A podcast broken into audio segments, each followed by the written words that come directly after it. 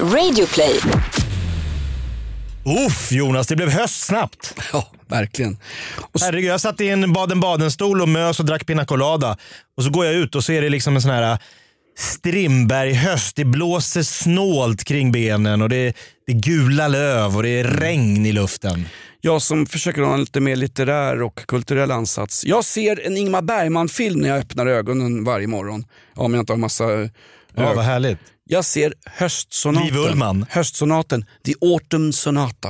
Googla, googla den. Hörde, vi ska den här veckan ta upp bland annat om att svensk lagstiftning för våra duktiga polistjejer, poliskillar och polistransor, den ligger kvar någonstans eh, anpassad efter fyllslagsmål på eh, dansbanor på 50-talet. Vi måste ändra lagstiftningen för att komma åt gängkriminaliteten som den här veckan har utnämnts till klansamhällen, Jakob. De stiger i graderna, hörru.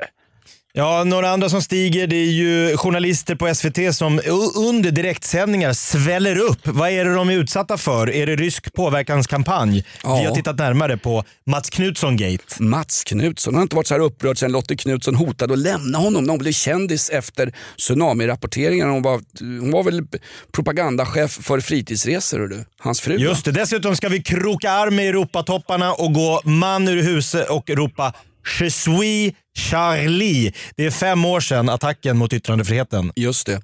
Je suis Charlie Hebdo eller Je suis Lars Vilks. Välj vad du vill. Välkommen till podden Off Limits och jag säger som jag brukar säga när jag sitter i ett stridsvagnstorn och ska invadera Normandie på D-dagen.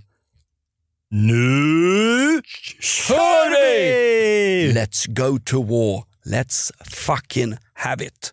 Och sen dog de på Normandies stränder. Kämparna för yttrandefrihet och demokrati. Det här är Off Limits. Nu åker vi. Ooh.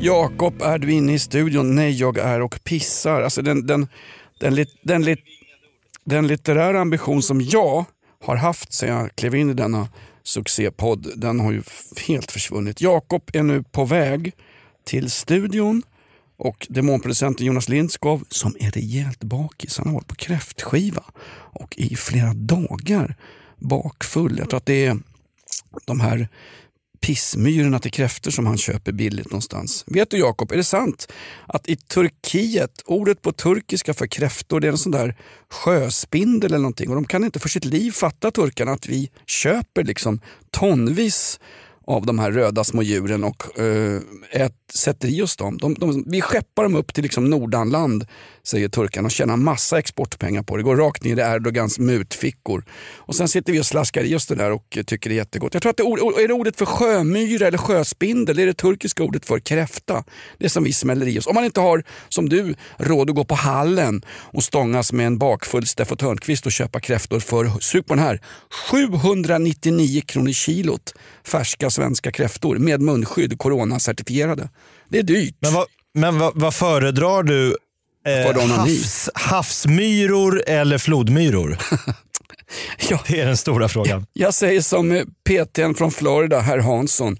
Det är bajssträngen jag vill åt, så att, eh, det är väl Ja. det det handlar om. Har du varit på kräftskiva, Jakob?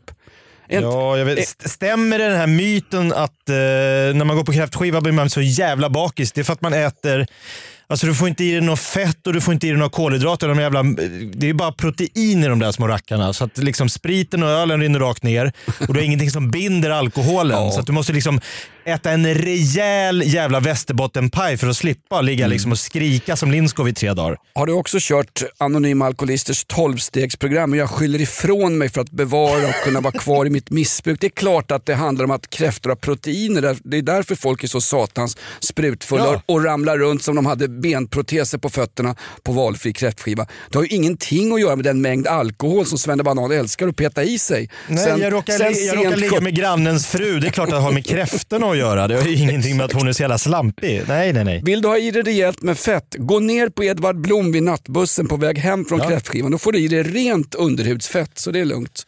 Hör du, välkommen, på tal om folk som kraschar ur Jakob.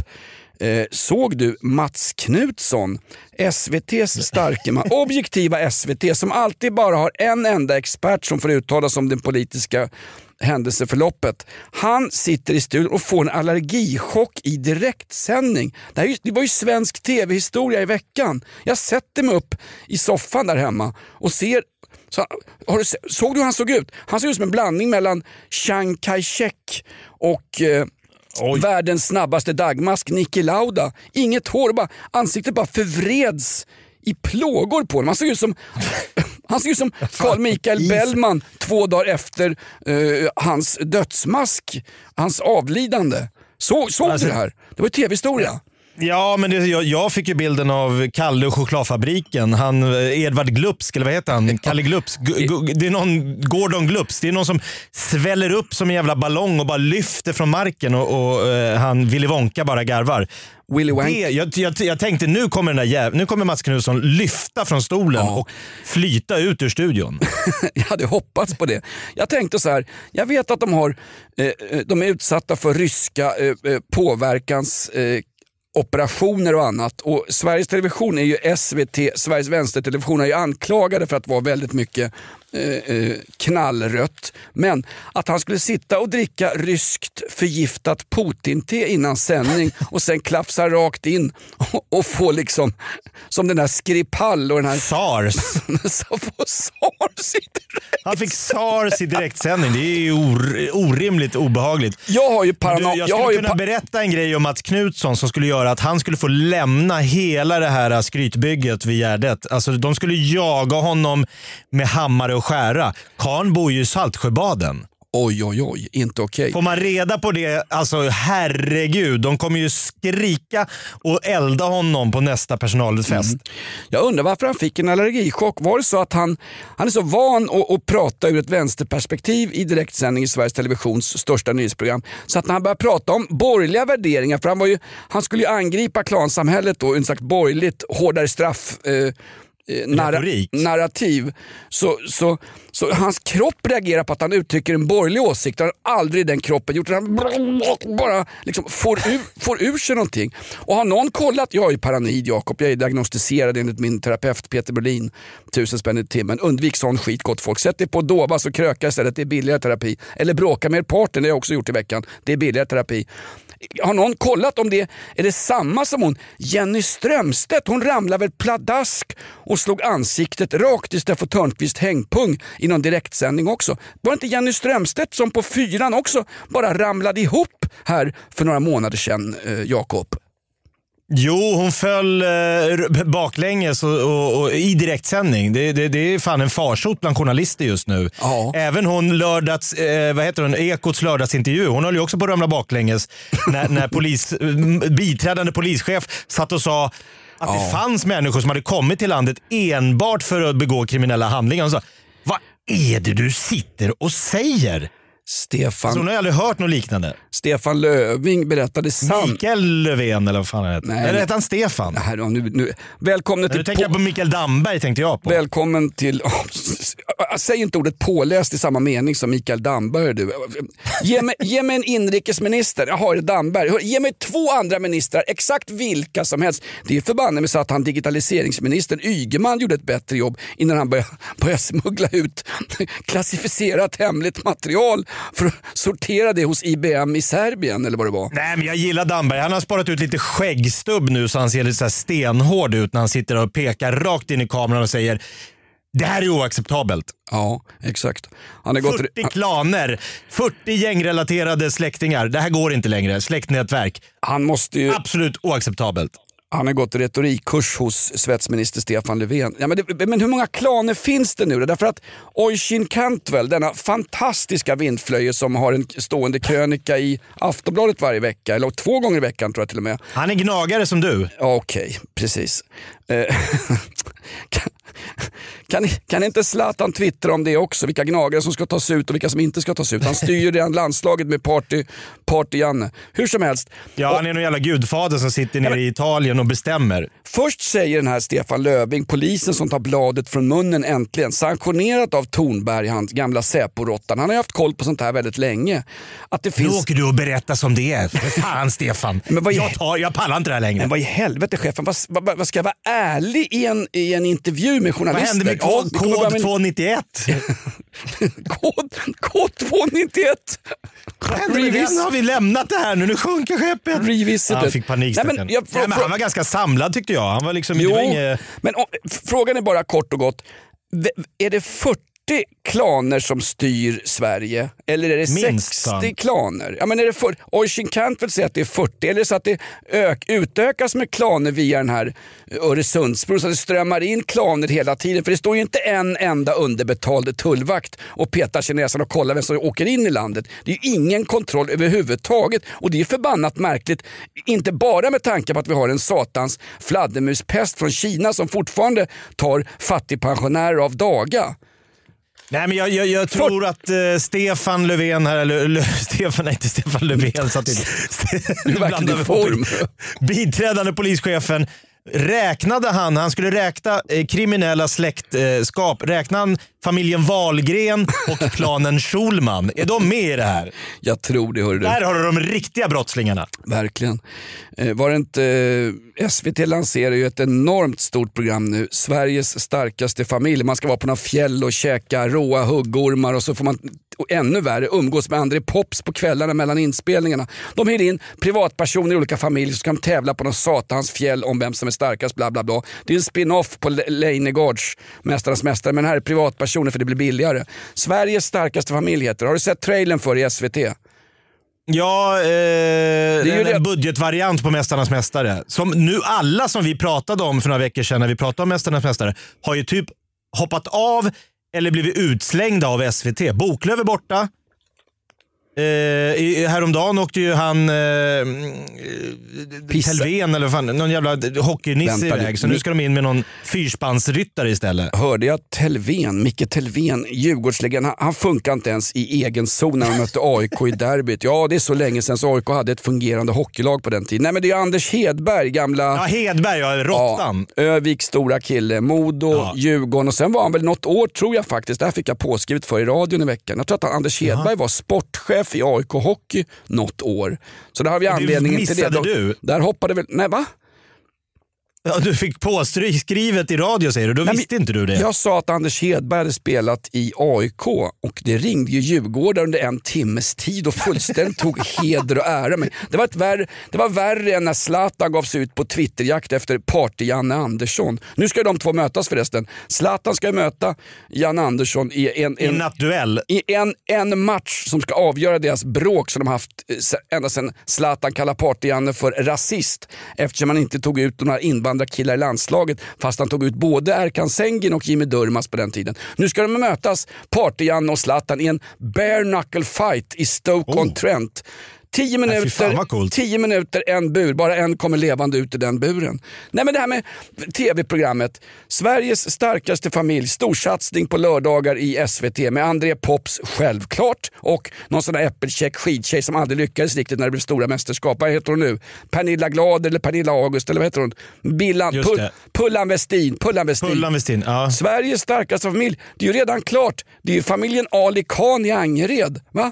De vann i 200 meter vägspärr. De är svenska mästare i olaga hot och dessutom infiltreringsgrenen. Där har de redan tagit distriktsmästerskapen i Göteborg Bohuslän. Det är ju redan klart. Sveriges starkaste familj. Ali Khan-familjen i Angered.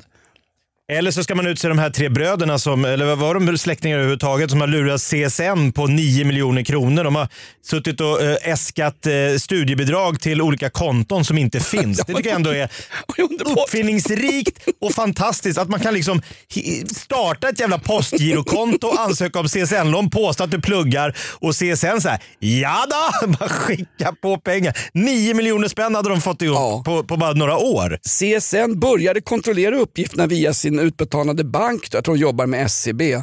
Nej det gör de inte. Därför att Val- Ah, de ligger ju i Vitryssland. Wallenberg har koll på utflödet. Nej, det var någon sån här noll koll-bank. Det var sån här Nordea som hotar att fly med sin huvudkontor till Lettland. Ja, där råkar de ut för gängkriminella. Då kommer de tillbaks Nordea till Sverige. Nej, men jag tror att de, de börjar misstänka de här tre bedragarna när de kallade sig för Knatte, Fnatte och Tjatte i formulären för att få pengar. Det bara strömmar ut pengar. Jakob, vad ska vi göra?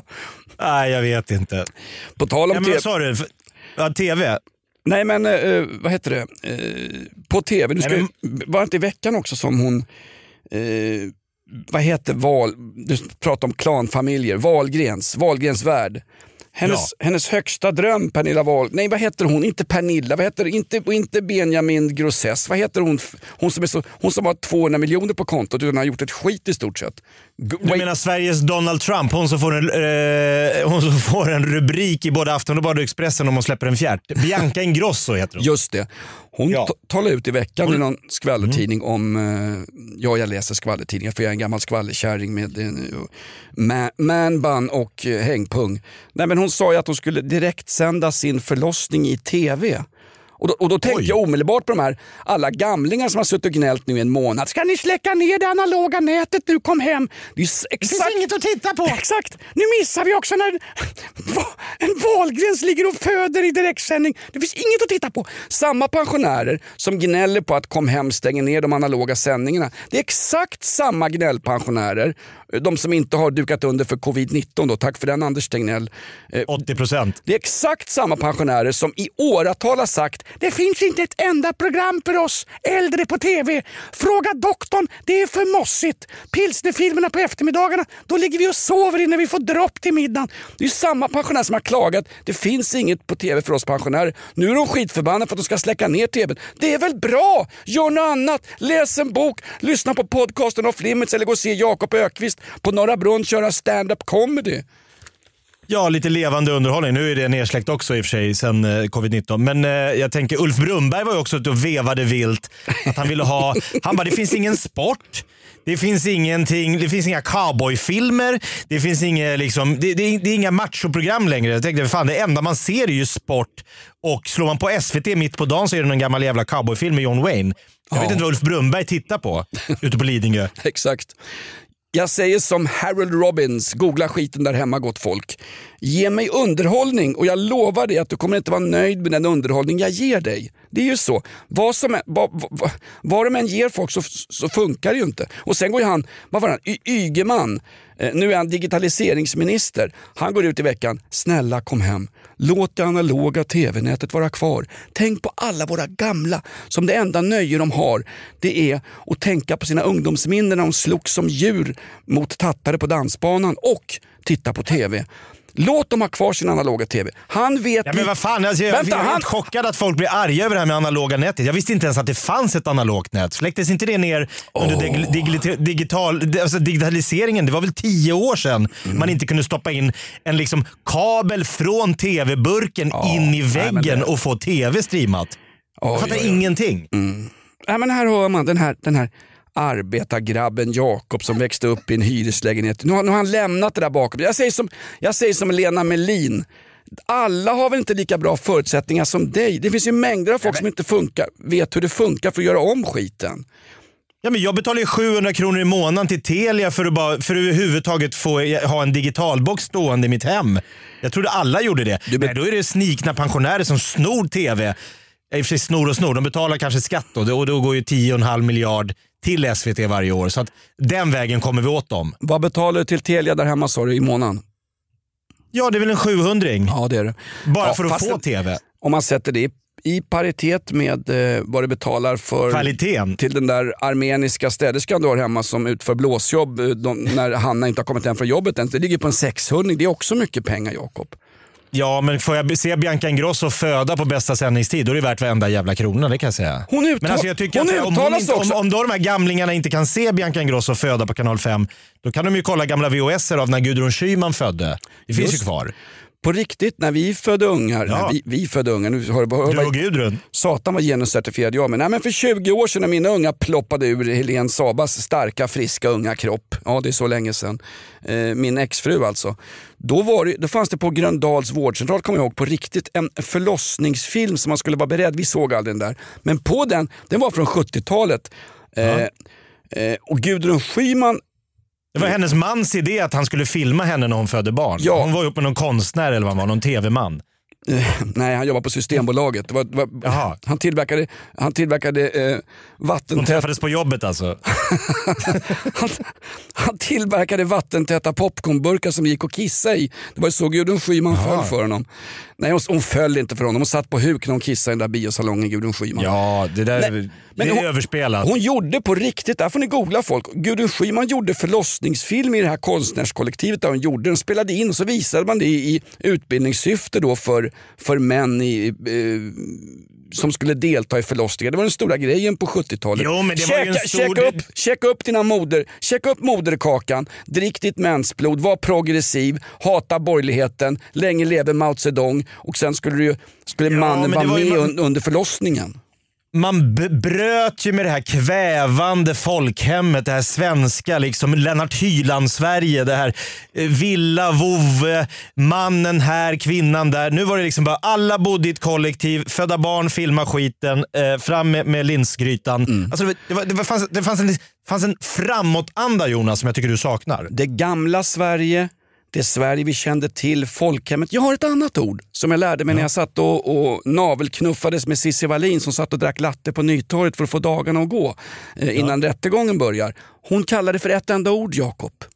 Och det ordet, det ordet Jakob, patriarkatet.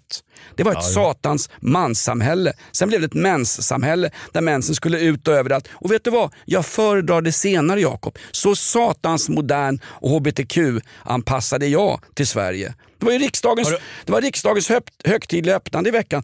Jag kommer ihåg på 70-talet när morsan och farsan kollade på det här på TV. Då var det konungens livdrabanter som tågade in i original 1700-talsuniformer för riksdagens högtidliga öppnande. Återigen pissar vi på historien. Nej, vi fick ta bort dem där 1975, bla bla bla. Vi hade en annan koncessionsordning. Kungen förlorade sin makt. Ja, men ta in dem nu då! När vi har en demokratisk historia att försvara mot klansamhällen och annat skit. Liksom. Ta in dem nu då! Ja, nu går det inte, för nu har vi corona. Då måste de ha munskydd, drabanter, och det är inte originaluppsättning. Du, de här drabanterna, de vann vid Breitenfeld. De vann vid slaget vid Lund. De vann vid Narva. De regerade över de katolska trupperna i hela satans Europa. De här, skulle de här livdrabanterna, skulle Karl XIs livdrabanter skulle ha skrattat åt lite jävla corona som kom flygande i luften. Med all respekt för covid-19 drabbade.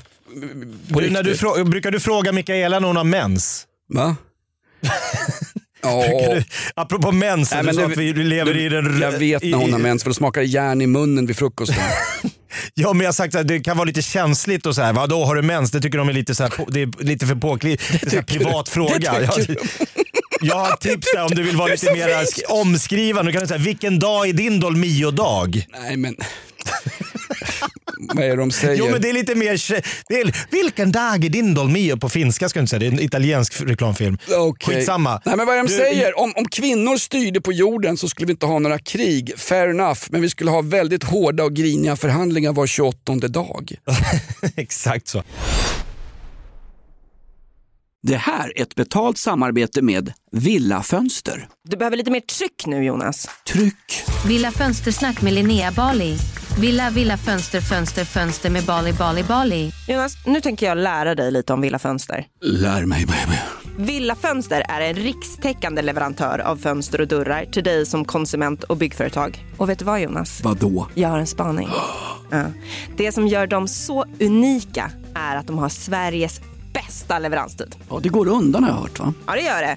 För man tänker kanske som konsument så här, åh nej, det här kommer ta så lång tid. Men inom tre veckor alltså så har du ett svenskt nyproducerat fönster som är redo för omgående avhämtning eller leverans. Oj, oj, oj, inom tre veckor. Är det inte så också, jag har hört ryktena, de har Sveriges största fönsterlager va? Ja, med 500 olika varianter av fönster. Och eftersom de allra flesta av oss vill ha olika storlekar på fönster så kan Villa Fönster dessutom göra anpassningar såsom spröjs, spaltventil med mera. Oj, oj, oj Linnea, du övertygar här. Du vet inte vad en persedel är för någonting, men spröjs och spaltventiler. Här har jag nästan läst på universitetet om det här. Ja, och är det någon som har koll så är det Villa Fönster. Historisk referens här. Har du? Ja, alltid. Ända sedan 2008 så har Villa Fönster alltid haft visionen att erbjuda kvalitetsprodukter till rätt pris och kortast möjliga leveranstid. Ja, jag är nöjd Med vad då? med vårt Villa Fönstersnack. Villa Fönstersnack med Linnea Bali. Villa, villa, fönster, fönster, fönster med Bali, Bali, Bali. Tack Villa Fönster. Ett poddtips från Podplay. I fallen jag aldrig glömmer djupdyker Hasse Aro i arbetet bakom några av Sveriges mest uppseendeväckande brottsutredningar. Går vi in med hemlig telefonavlyssning och, och då upplever vi att vi får en total förändring av hans beteende. Vad är det som händer nu? Vem är det som läcker? Och så säger han att jag är kriminell, jag har varit kriminell i hela mitt liv men att mörda ett barn, där går min gräns. Nya säsongen av Fallen jag aldrig glömmer på Podplay.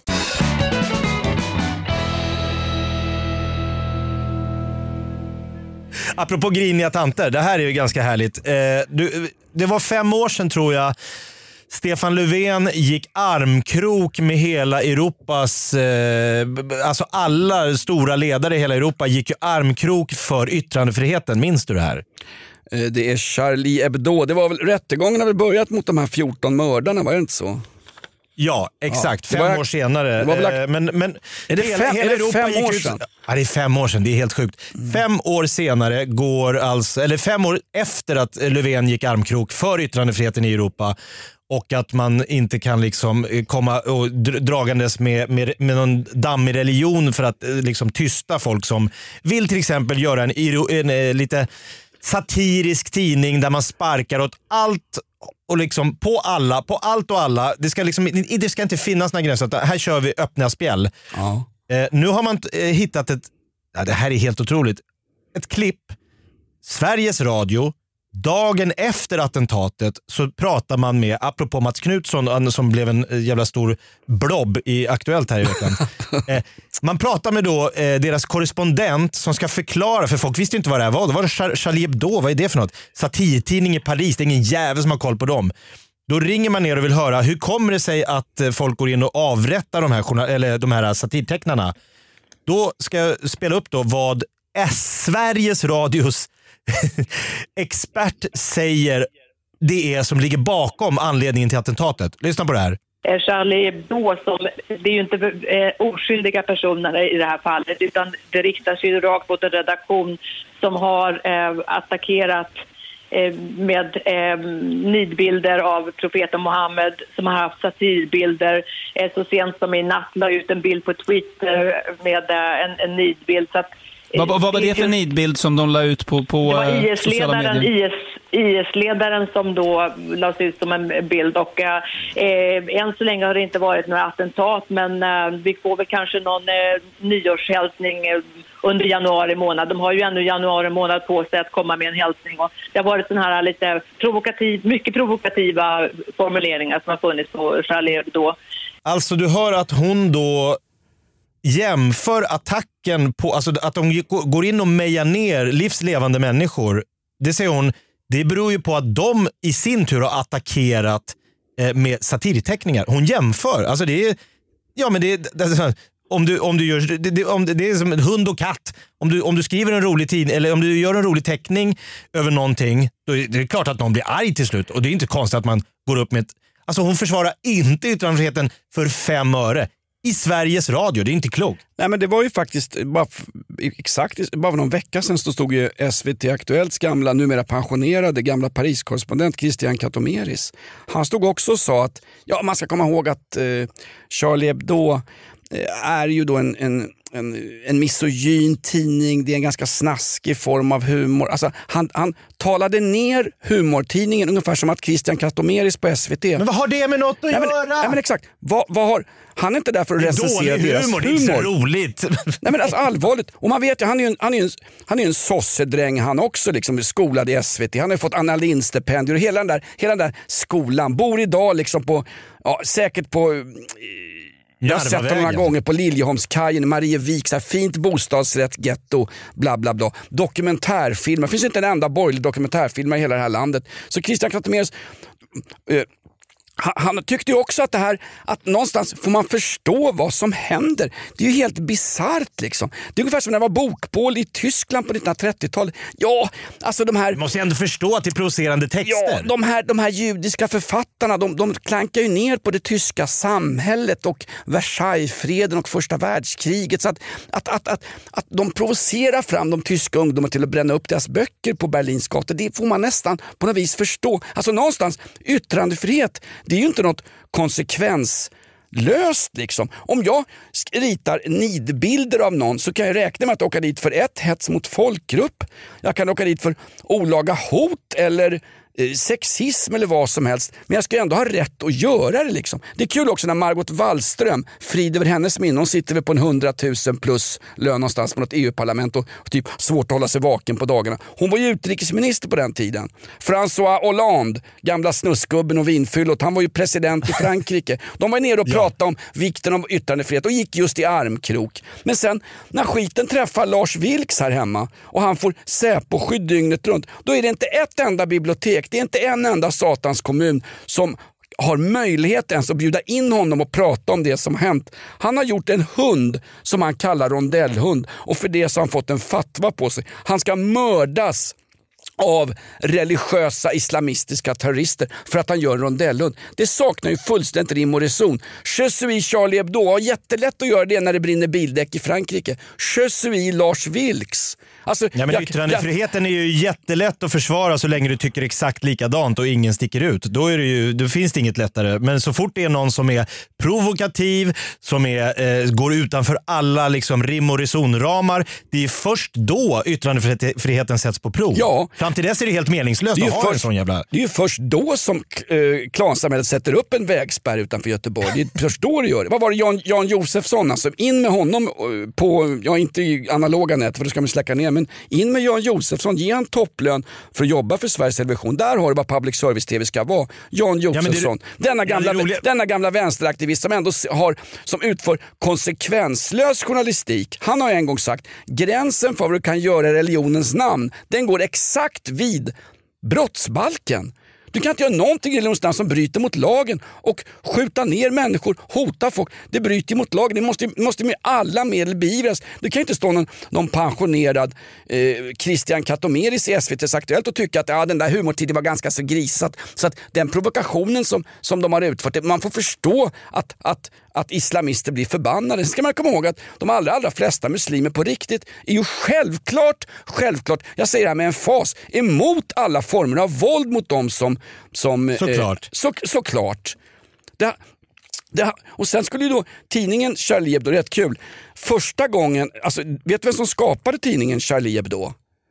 Nej, så långt har jag Det inte var en grävt. snubbe som satt i arbetsläger hos nazisterna under kriget. I en fångkolonn 1945 tror jag, jag har läst om det här, så, ha, så lyckas han fly och han hamnar i Paris med någon brud och de är förbannade på allt på alla som säger åt dem, så här ska du göra, så här ska du tänka. Därför att då härskade ju Charles de Gaulle, denna, detta högerspöke i Frankrike. Och Charles, de, de, de skapar en tidning 1960 tror jag det är, som heter Harakiri, självmord. Otroligt ödesironiskt. Tidningen Harakiri by, byter 1970 namn till Charlie Hebdo. Därför att Charlie Hebdo som då är ett skämtnamn, Charlie, Charlie de Gaulle, Charlie Hebdo. Charlie Hebdo betyder ju Charlie varje vecka. De skojade stenhårt några dagar efter att landsfadern Charles de Gaulle hade dött. Då var de ute som de vänsteraktivister de är. Man ska veta att Charlie Hebdo det är en tidning för vänsterintellektuella i i, i Frankrike som fortfarande enligt majrörelsen i Paris 1968 hävdar jag säger vad jag vill, jag går emot etablissemanget, det är min individuella frihet. På den tiden var ju vänstern individer, det är de inte Ja, men det är det som är så jävla upp och ner med det här med vänster och höger och upp och ner och vad som är vad. För, alltså, eh, nu, nu har vänstern blivit moralpoliserna, de här KD-tanterna som vill styra hur vad folk ska säga och tycka och tänka. På 70-talet med farsa, alltså, folk snöt sig i svenska flaggan, folk var rebeller, humor skulle skulle slå åt alla möjliga håll. Det fanns liksom ord, alltså vi, vi ska liksom göra orden mycket mera Eh, det ska finnas ett sprängstoff. Och så idag då, då, då liksom finns det moralpoliser på Twitter och Facebook. Folk får sparken från sina arbetsplatser för att de delar ett, ett liksom YouTube-klipp med en ståuppkomiker från Ja. Skottland. Det har, liksom, det har liksom slagit, pendeln har slagit helt åt helt jävla andra hållet. Man kan inte ens vara längre en eh, italiensk kändiskock som går och dankar på en gnoa på Grevegatan utan att det ska vara någon slags konsekvenser när, när jag har, har du din Dolmio-dag just idag? Men Man jag, kan inte vara en Sportspegel-programledare och åka till Florida och och få lite, loppa lite lite sol och lapa lite 14-åringar. Alltså det, finns såna, det är så otroligt snäva ramar idag så att jag blir mörkrädd. Nej, men alltså, någonstans trodde någon att man kunde gå igenom livet utan att bli kränkt. Jag blir kränkt varje morgon. Jag har olika torftiga skämt i radion som jag berättar. Jag har ju berättat om, jag har ju skojat om, eh, ja, Eh, folk med funktionshinder och i- inte speciellt, jag, jag, kan, jag kan ta avstånd från det. Hade någon, något skämt här i veckan som, tänk om, tänk om satanisterna gick med i Jehovas vittnen, då skulle man ha folk som såg obehagliga ut, ringde, knackade på dörrar och bad folk dra åt helvete eller något sånt där sagt i. Alltså, herregud vad jag fick påskrivet av, av, av kristna grupperingar, eller kristna, jag kanske fick två mejl men jag älskar att överdriva, det är lite grann mitt, mitt eh, mitt, min livsnerv, mitt Lebensraum är för fan att överdriva. Men det var någon som reagerade för att du kan inte skoja om kristna. Det kan jag göra visst. Och, jag är ju drillad att svara enligt våra skitchefer på rockklassiker att jag ber om ursäkt, jag gick lite för långt, tack för att du lyssnade på, på stationen. Jag, jag skrev såhär. ja, fast vänta nu. Sist jag kollade så var det jag som gjorde det här morgonprogrammet tillsammans med Hans Wiklund och det här är min humor. Jag tyckte det var roligt att skoja om satanister som Jehovas vittnen. Har du, har du synpunkter på det så välkomnar jag dem, jag hör vad du säger men vill du ha någon annan form av humor då får du för fan öppna en egen radiokanal. Säg inte att det är cheferna Ja, det- Jakob nej, för då får he- jag, jag får ju spark om jag svarar så här till våra lyssnare såklart. Det här är inte officiellt Ja, Bauer du Media. ha. Men alltså det, he, Det ska du ha! Hur ser, man att någon har fått en, hur ser man att någon har fått en spark i arslet medan han sticker ut via anusgången? Ja, men hela tanken med satir är ju att udden måste vara riktad mot den, då, de- den, den tidens rådande maktstruktur. Alltså det som är makten, det som är narrativet, det som är konsensus. Det är det satiren ska ha en liten pil in i det och säga vänta lite, finns det, finns det inget Ja. annat sätt att se det här på? Hallå, Fast- hallå, hallå, vad jobbig. Var det Henrik Schyffert som sa det finns ingen högerhumor? Nej okej, för han tyckte vänstern, det måste sparka uppåt. Men om sossarna har suttit med makten i 90 år i det här landet, då måste väl någon få skämta om dem också, annars blir det ju ingen balans. Ja, nu pratar Jakob här som uh, han vore någon, någon satiriker som slår uppåt, som vill förändra samhället. Sparka uppåt, smek neråt. Jag säger som Oscar Wilde, Jakob. Humor, det är humor om den är rolig. Du, jag har ju sett dig på Norra Brunn. Visserligen var jag bra på arslet och satt och småtafsade på Mikaela under hela föreställningen. Men då skojar Ja. ju, du skojar ju om dvärgar och minoriteter. Så det är ju inte alls att du, att du, att du slår uppåt mot den starkas... Mot, mot Men du menar att man skämtar om dvärgar så sparkar man neråt? Du tänker rent bokstavligt alltså? Det är ju märkligt att missuppfatta hela det här, den här Oscar Wilde. säger. Måste alltid Oscar Wilde dyka upp så fort någon ska dra ett citat? Jag tror man, nio av de där jävla tio citaten har han aldrig sagt. Nej, man, men- man slänger sig med Oscar Wilde. Jag säger som Charles Paul Sartre. Man vill bara liksom, du ska bara låta lite, låta lite rär här nu. Jo, men- förbannad. Ja, men då ber jag om ursäkt. Du säger att det är nio fall av tio. Jag kan säga i tio fall av tio det inte Oscar Wilde. Jag säger bara något, något sånt där, någon floskel och så hävdar jag att det är Oscar Wilde. Mark, Carpe diem. nej, det är ännu bättre. Eh, En svanktatuering, kanske Diem. Där har du. Kanske tio. Ja, hörde, var var vi någonstans? Bud. Du vet, alltså, din, alltså, jag, jag, det här med hu- humor, vem som var först i Sverige med stand-up comedy. Peter Wahlbeck, han, där har du en borgerlig komiker. Han är ju... Han är ju Han är kommunist och eh, kosmo, vad kallar han sig? kosmolog. Han, han, han följer ju någon dansk stor tänkare, Martinus. Det är hans stora idol. Så att du, du har en kommunist som ska- också då skämtar om eh, integrationsproblematik. Och då blir det ju, det är det som är problemet, att när, när du måste ha en mall för, om du säger att jag röstar på Socialdemokraterna, då får du liksom ett paket med färdiga åsikter som du ska ha. Och har du inte alla de 42 åsikterna, då blir folk nervösa. Vänta nu, tycker du inte som partipiskan? Tycker du inte likadant i alla frågor? Då blir det jobbigt för folk att det finns människor som har egna åsikter som de har skapat för egen hand. vad, hette han? Martin, vad hette han? Martinus? Mar- Martinus. Ja, det är väl märkligt. Så fort det är något citat, nio gånger av tio ska du ta upp den här Martinus, den här danska filosofen. Nej men någonstans, han, han har seglat in i SD-lägret Peter Wahlbeck. Sist, sist jag såg honom i veckan så då har han ju, eh, då har han ju eh, De tycker att han är rolig. så här satans dåliga är Trumps motståndare, den här eh, Kamala Joe Biden. och Joe Biden som fyllde 160 år i veckan. Så här dåliga är de, lägger Peter Wahlbeck upp. Rena, roliga Donald Trump-propagandafilmer i en smutsig amerikansk valkampanj. Fair enough! Ronald, Ronald McDonald Trump får lägga upp exakt vilka valkampanjer han vill. Och Ja, men, ja, Folk men får Donald Trump rösta på upp någon exakt- valkampanj när, när hela jävla landet brinner och så ser man Joe Biden sitta och skratta i förgrunden. Do you want this kind of America?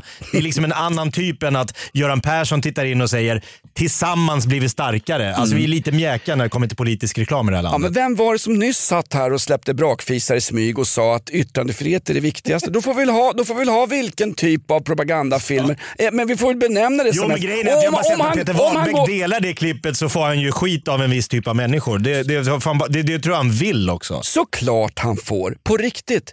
Jag respekterar alla former av åsikter. Ska vi ha yttrandefrihet så Oj. får du väl tillhöra vilket... Nej det gör jag inte.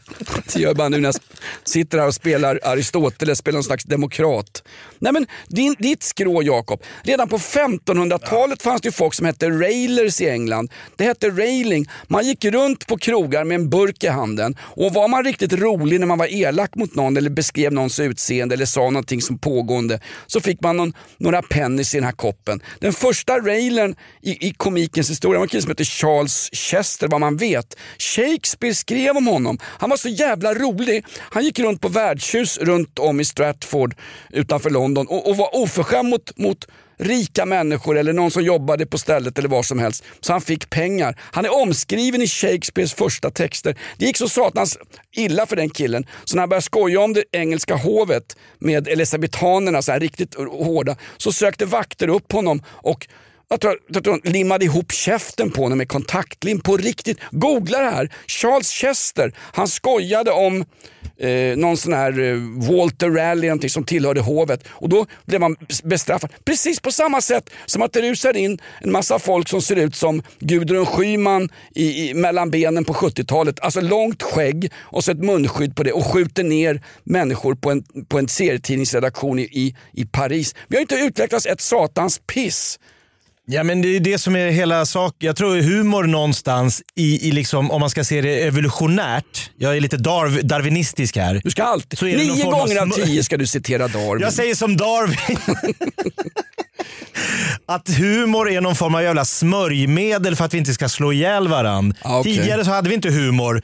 Då slog vi ihjäl den vi inte tyckte likadant som. Precis som vi har börjat med fotbollsmatcher mellan länder istället för att vi ska ha stora krig där vi står på fält och skjuter på varandra. Då kan, våra jävla, då kan Ronaldo komma hit och möta eh, Janne Anderssons eh, glada gossar med Erik Berg med kaptensbindel. Ja. Ja, då, ja, vilket land är bäst? Ja, nu var Portugal eller Sverige bäst. Då fick vi avgöra det på det sättet. Men då, inga, inga liv gick till spel. Den här cancel culture, att vi ska liksom, nej, om någon tar illa vid sig, om någon känner sig det minsta träffad, då förbjuder vi någon, för alla att säga något, så kan vi bara sitta tysta i båten. Jag tror det är livsfarligt i det långa loppet. För jag tror att det är bättre att folk grow some balls, som någon sa i veckan. Ehm, Ja, det var Joakim Lamotte som sa om Henrik Schyffert. Det fick han skit för. Ja. Att han själv stod med en uh, skottsäker väst när han var med i Aktuellt. Ja, men- Nej, men Jo. Men alltså, lite skinn på näsan. Man får ta sig. Jag tog fan det där, det där skämtet.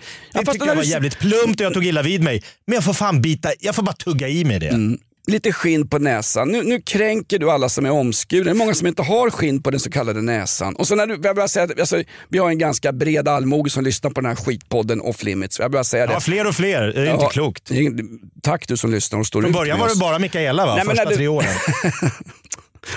Innan hon hade Du blod. kunde lika gärna åkt hem och dragit det här för henne i ditt vardagsrum. Jag drar något annat framför henne i vardagsrummet. Jag är för gammal för att Ja. utföra samlag numera. Jag har ju fyllt 55. Nej men grejen är så här. Du citerar Darwin här. För, för, den breda, för den breda dansbanepubliken som lyssnar på det här så måste vi faktiskt tillägga. Det är alltså Darwin, killen som kom tvåa i Idol. Han som är från Vällingby som sjunger sköra låtar. Ja, som kom ut som han homosexuell i Han förra heter väl. Darin? Är han, är han gay? Ja, ja. Är Darin gay? Tydligen. Darwin var ju också gay. Bosse därför evolutionen dog. Bosse Hansson kom ju in som gay. Vet du. Han kom ju inte ut som gay. Det var ju så, det var ju så eh, allom bekant. Du, Du, du vet att man på riktigt i England har, eh, då vill eh, de här BLM-protesterna att man ska ta bort en Darwin-utställning på ett av de stora museumen för att han han kan ha haft lite tvivelaktiga åsikter i vissa delar av... Det är det jag menar. Börjar du titta på hela världen från dina glasögon, hur du tycker att alla ska vara, då kan du, du kan hitta dissidenter. Det är det som är det jobbiga. Ja, med dina glasögon. Gör som Pol Pot i Kampuchea då. Skjut alla som har glasögon. För glas, det gjorde han ju. Fol- Glasögon Ja. var ett tecken på... Googla skiten. Det var ett tecken på borgerlig bildning. Folk med glasögon sköts så att folk gick och gömde glasögon i skogen och såg inte ett skit och lallade runt i, i, under Pol Pot-regimen. Se Killing Fields gott folk. Obs! Jag säger Fil- som Jan. Myrdal. Vill du göra en omelett så måste du kläcka några ägg. Det är lite grann så faktiskt. Ja. Uh, hörru du, eh, jag hade ju, vi hade ju massa om de här klansamhällena. Jag vill ju ha, nu ska ju Mona Sahlin bli sån här klansamordnare. Hon ska utreda klaner och försöka prata med dem och bla bla bla. Jag, vill, jag vill gå ett steg längre. Alltså, när Anders Tegnell Helt plötsligt nu så har ju, har ju då Norge och Danmark fått mer smittade per vecka än vad Sverige har. Har du märkt det? Ja, det går åt fel håll Ja, där just någonstans, nu. när, när Sverige hade dödstal som räckte ända upp till liksom Venus och Mars, då kunde man inte jämföra siffror från olika länder. För man bedöm, man, man, siffrorna hämtades utifrån olika eh, kriterier. Helt plötsligt nu när Danmark och Norge har fler smittade i veckan än oss, än oss i Sverige, då går det alldeles utmärkt för Tegnell och grabbarna och hen-kvinnorna att, att jämföra siffror vecka för vecka. Det är väl märkligt? När siffrorna talar för Sverige, då kan vi jämföra med andra länder inom EU. Och när de inte, exklusive Norge.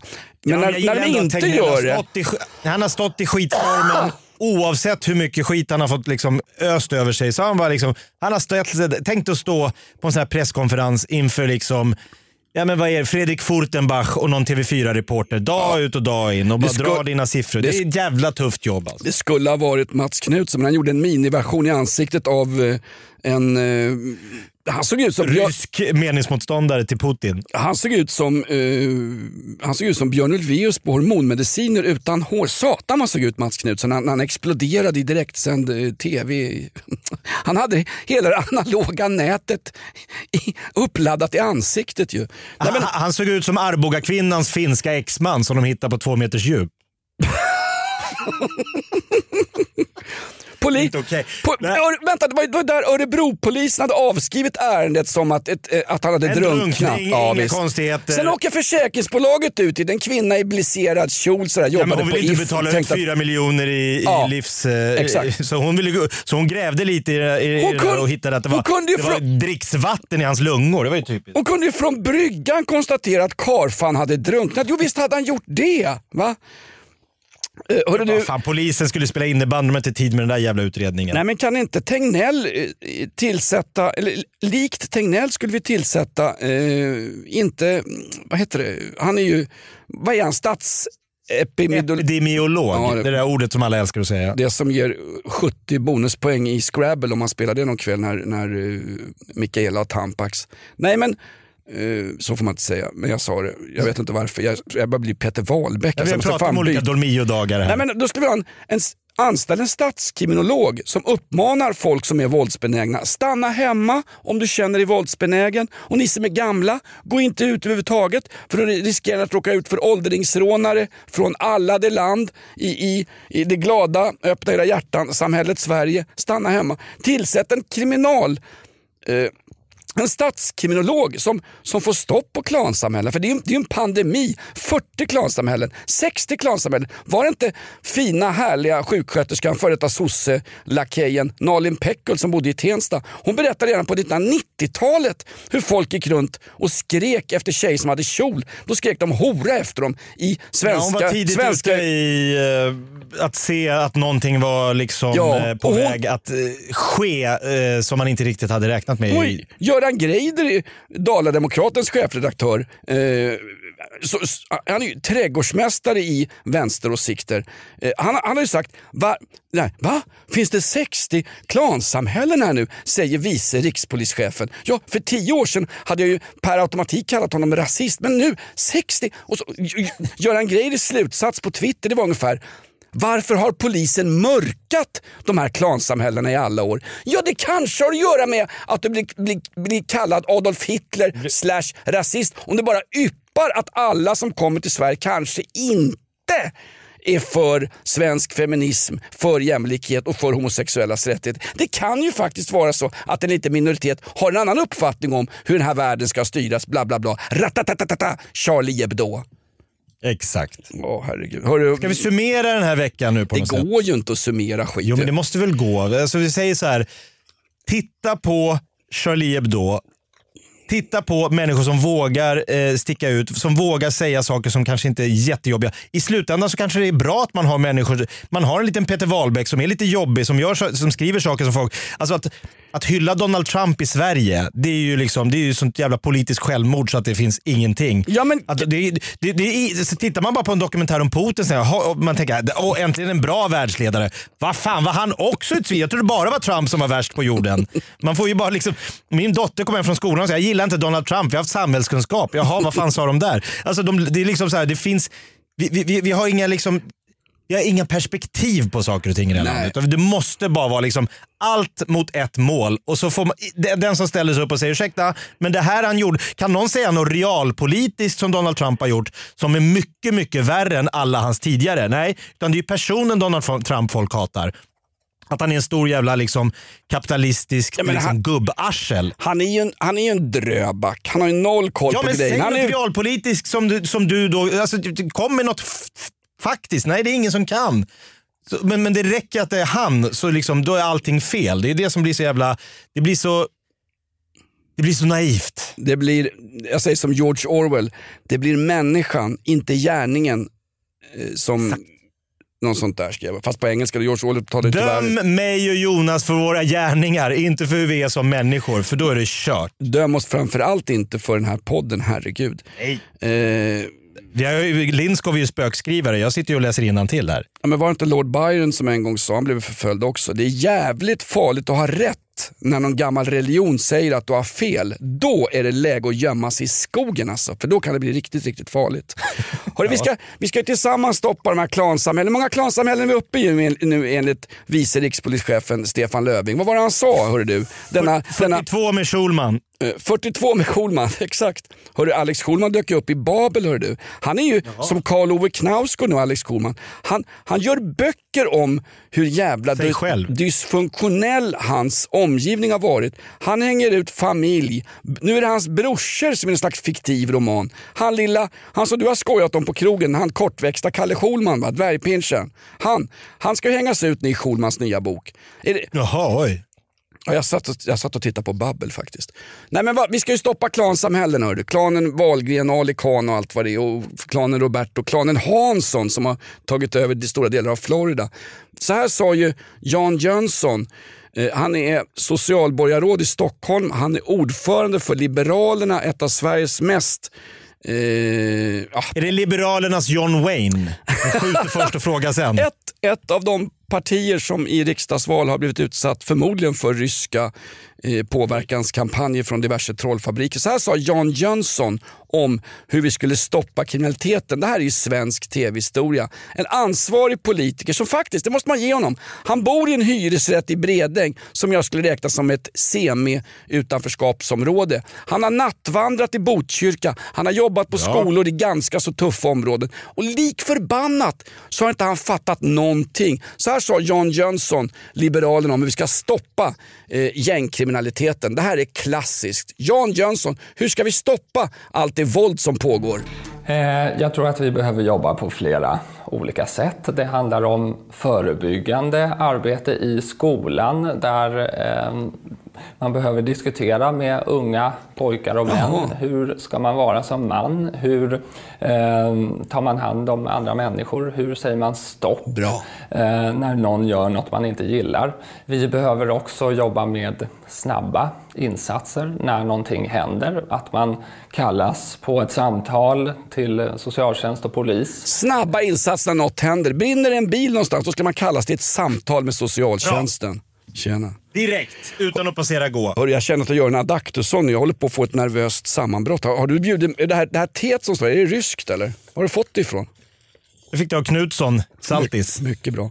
Hörru, vi börjar runda av här. Jag hade ju massa Ja. roliga, jag hade massa ro, Nej, men- roliga mejl och grejer. Ja, men verkligheten kom emellan. Jag vill bara säga så här. Tyck vad du vill.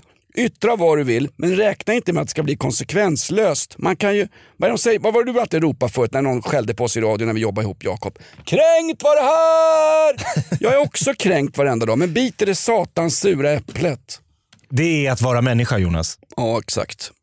Var det Oscar Wilde som sa det? Nej, Strindberg. Och störst av allt är människan. Det tycker jag är exkluderande mot kvinnor faktiskt. Men Strindberg det var ju en baggbölare och en tantbankare. Det var ju den tidens pip. Ja, något sånt. Något sånt.